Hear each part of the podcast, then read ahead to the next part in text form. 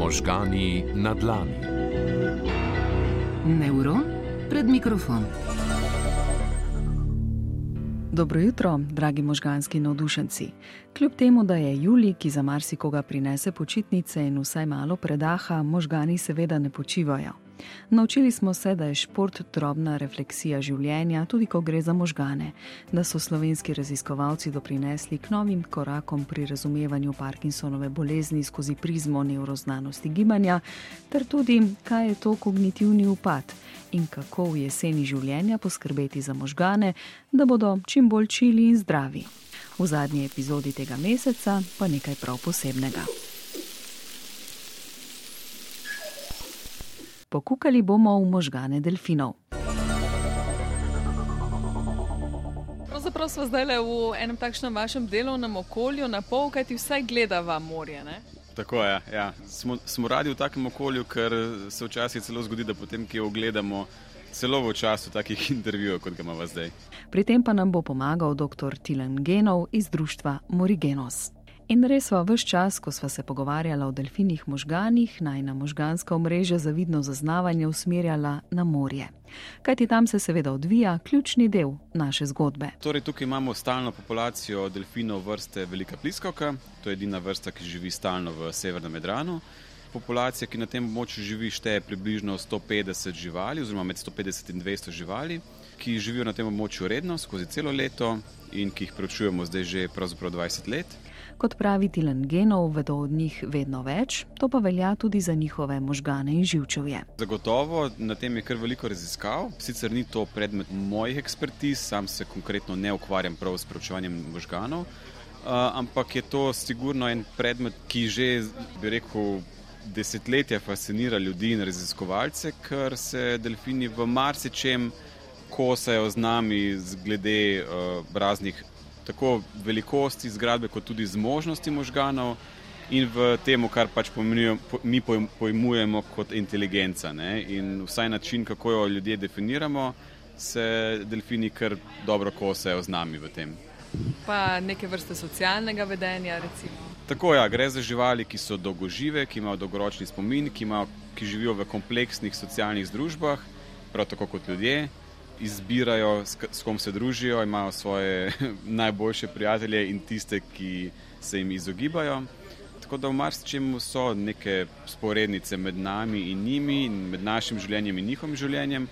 Kljub temu, seveda, da je veliko razlik. Ne? Gre za živali, ki živijo v, v popolnoma drugačnem okolju kot mi, živijo v okolju, ki je ljudem generalno gledano razmeroma tuje.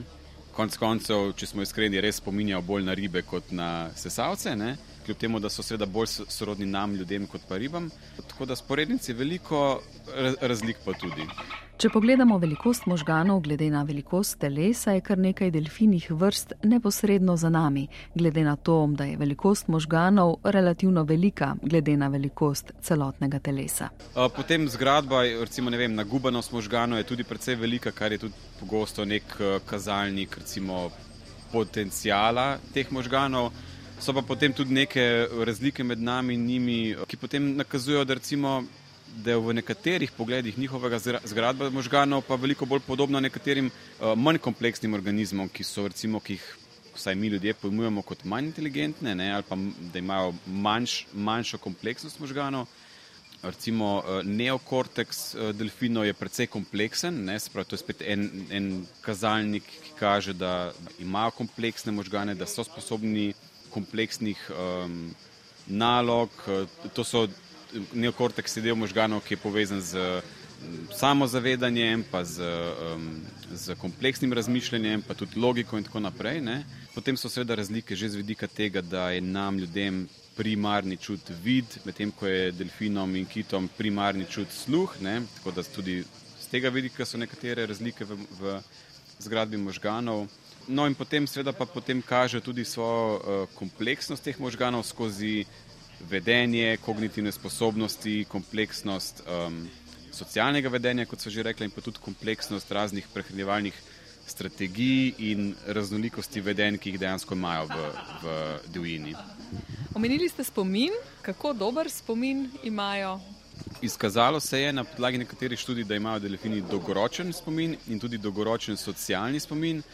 Dolgoročen spomin že z vidika tega, da vejo, kdaj, v katerih obdobjih je morda smiselno biti na določenem kraju, ker je takrat uh, manj plenilcev ali pa več plena in tako naprej.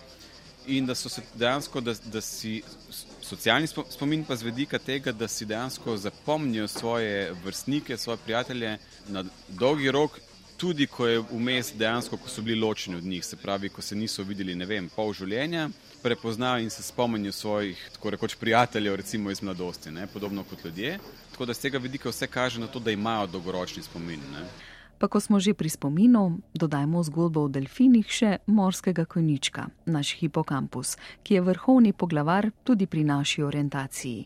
Kako pa je z njo pri delfinih? Kar nekaj stvari je še neznanih. Zdaj, generalno gledano, glavni način orientacije in zaznavanja prostora je sluh, kot že omenjeno. In uh, delfini, res v grobem rečeno, proizvajajo dva tipa zvokov.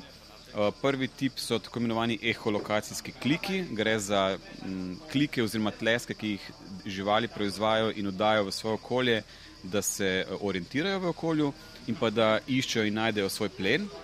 Uh, to je dejansko vrsta ultrazvoka. In če ste recimo noseči, delfin dobesedno vidi, da ste noseči ne, na ta način.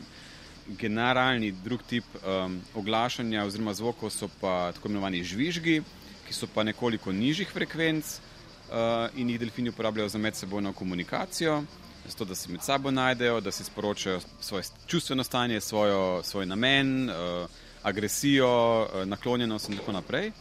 In zanimivo je tudi, da imajo posamezni delfini tako imenovani podpisni žvižg. Se pravi, da je vsak žvižg kot nek lastoročni podpis, zato jim rečemo tako, ki je edinstven za tistega delfina in predstavlja njegovo identiteto. In zanimivo je tudi, da se lahko medsebojno naslavljajo s temi žvižgi, tako da dejansko um, kopirajo oziroma imitirajo uh, žvižge drugih delfinov. Dobesedno, kot da bi pač rekel, ne vem, hej, jaka, pridem. Možgani na dlani. Tokrat smo povsem morsko razpoloženi, pogovarjamo se o delfinih možganih in vrsto zanimivosti o njih nam je že nanizal dr. Tilen Genov, ki se že leta ukvarja s preučevanjem teh sesalcev. Seveda je veliko stvari še zavitih v tančico vprašajev, saj delfini pač ne morejo reševati vprašalnikov, v katerih bi recimo poročali o svojih čustvenih stanjih. Imajo pa seveda znanstveniki druge metode. Zanimivo je tudi, da poznamo pri delfinih koncept rabe orodja več primerov, ampak en tak zelo znan primer je pri delfinih v Avstraliji, kjer dejansko uporabljajo lupine eh, školk oziroma lupine polžev, bolj, bolj točno rečeno, ki jih nosijo na gobcu, zato da z njimi rijejo po morskem dnu in se s tem zavarujejo pred raznimi morskimi ježki, strupenimi ribami, ostrimi skalami in podobno. In potem s tem dejansko zbezajo ribe, ki se skrivajo v pesku. Potem, ko riba splava ven, odvrže tisto uh, lupino, gre v jed ribo in potem se vrne po lupino, jo spet pobere in spet z njo rije. Ne? In izkazalo se je, da se to znanje prenaša uh, iz roda v rod preko učenja. To je tudi en, en stvar, ena stvar, ki, s katero nekako sklepamo, da so delfini precej visoko na neki inteligenčni lesvici, ker uh, aktivno učijo svoje mlade uh, novih tehnik in tudi, da se lahko med seboj naučijo eno drugega, ne? se pravi od svojih vrstnikov. V nekaterih raziskavah v ujetništvu se je pokazalo, da so delfini sposobni samozavedanja, oziroma da, pre, da svoj odsev v ogledalu prepoznajo, kar je prav tako ena lastnost, ki jo imamo samo ljudje, eh, nekatere človeku podobne opice, sloni in pa nekatere vrste papig. Potem so pa tudi ene različne zanimive in morda nekoliko nepričakovane stvari, ki so pokazale, da delfini razumejo koncept našega človeškega kazanja s prstom. Kar je po eni strani noro, če pomislite, da pač sami nimajo rok in prstov, imajo pač plavuti, ne, ki so na nek način analogne našim rokam, ker gre za ist, isti tip strukture z istim izvorom. In ne samo to, razumejo tudi koncept našega usmerjenega pogleda. Se pravi, da če imam možnost pogledati dva predmeta, in pogledam tistega na moji desni, delfin vidi in razume, na kateri predmet gledam in, in na kateri predmet želim pokazati svojim pogledom. Ne? Neverjetno, kaj ne? Delfini razumejo tudi osnovne sintakse. Poznajo razliko, recimo iti pod obročem ali iti skozi obroč in podobno. Za človeške možgane je, to smo se že naučili in pravzaprav dobro izkustveno vemo, kvalitetno spanje izjemno pomembno. Kako pa spijo delfini? Delfini imajo en problem, ki ga ljudje nimamo, Eh, in sicer to, da uh, ne dihajo avtomatično. Mi dva se zdaj pogovarjava, pa noben od naju, do, vsaj do tega trenutka, ni razmišljal aktivno o dihanju. No, oni pa morajo razmišljati o tem, ker morajo dejansko načrtovati vsak vdih, ki ga naredijo, morajo načrtovati prihod na površino, izdihniti zrak, vdihniti zrak in potem spet iti dol. In zato bi bilo neko normalno spanje, vsaj tako kot smo ga mi navajeni, malce problematično. In delfini dejansko zato na, zares na nek način počivajo in to delajo tako, da dejansko počivajo polovico možganov, druga, druga polovica pa pazi na to, da delfin plava, da pazi na morebitne nevarnosti, da diha. In potem čez nekaj časa se te dve polovici zamenjata. Zares delfini torej nikoli ne spijo. Tudi njihovi možgani pa niso imuni pred različnimi boleznimi, virusnimi, bakterijskimi in tudi takšnimi, ki se prenašajo z delfina na človeka in obratno. Še marsikaj bi lahko odstrnili o znanosti in poznavanju delfinov, a zaključimo z mislijo, da moramo s pridom uporabljati danosti naših možganov, da zavarujemo tudi delfinje. Dr. Tilangenov.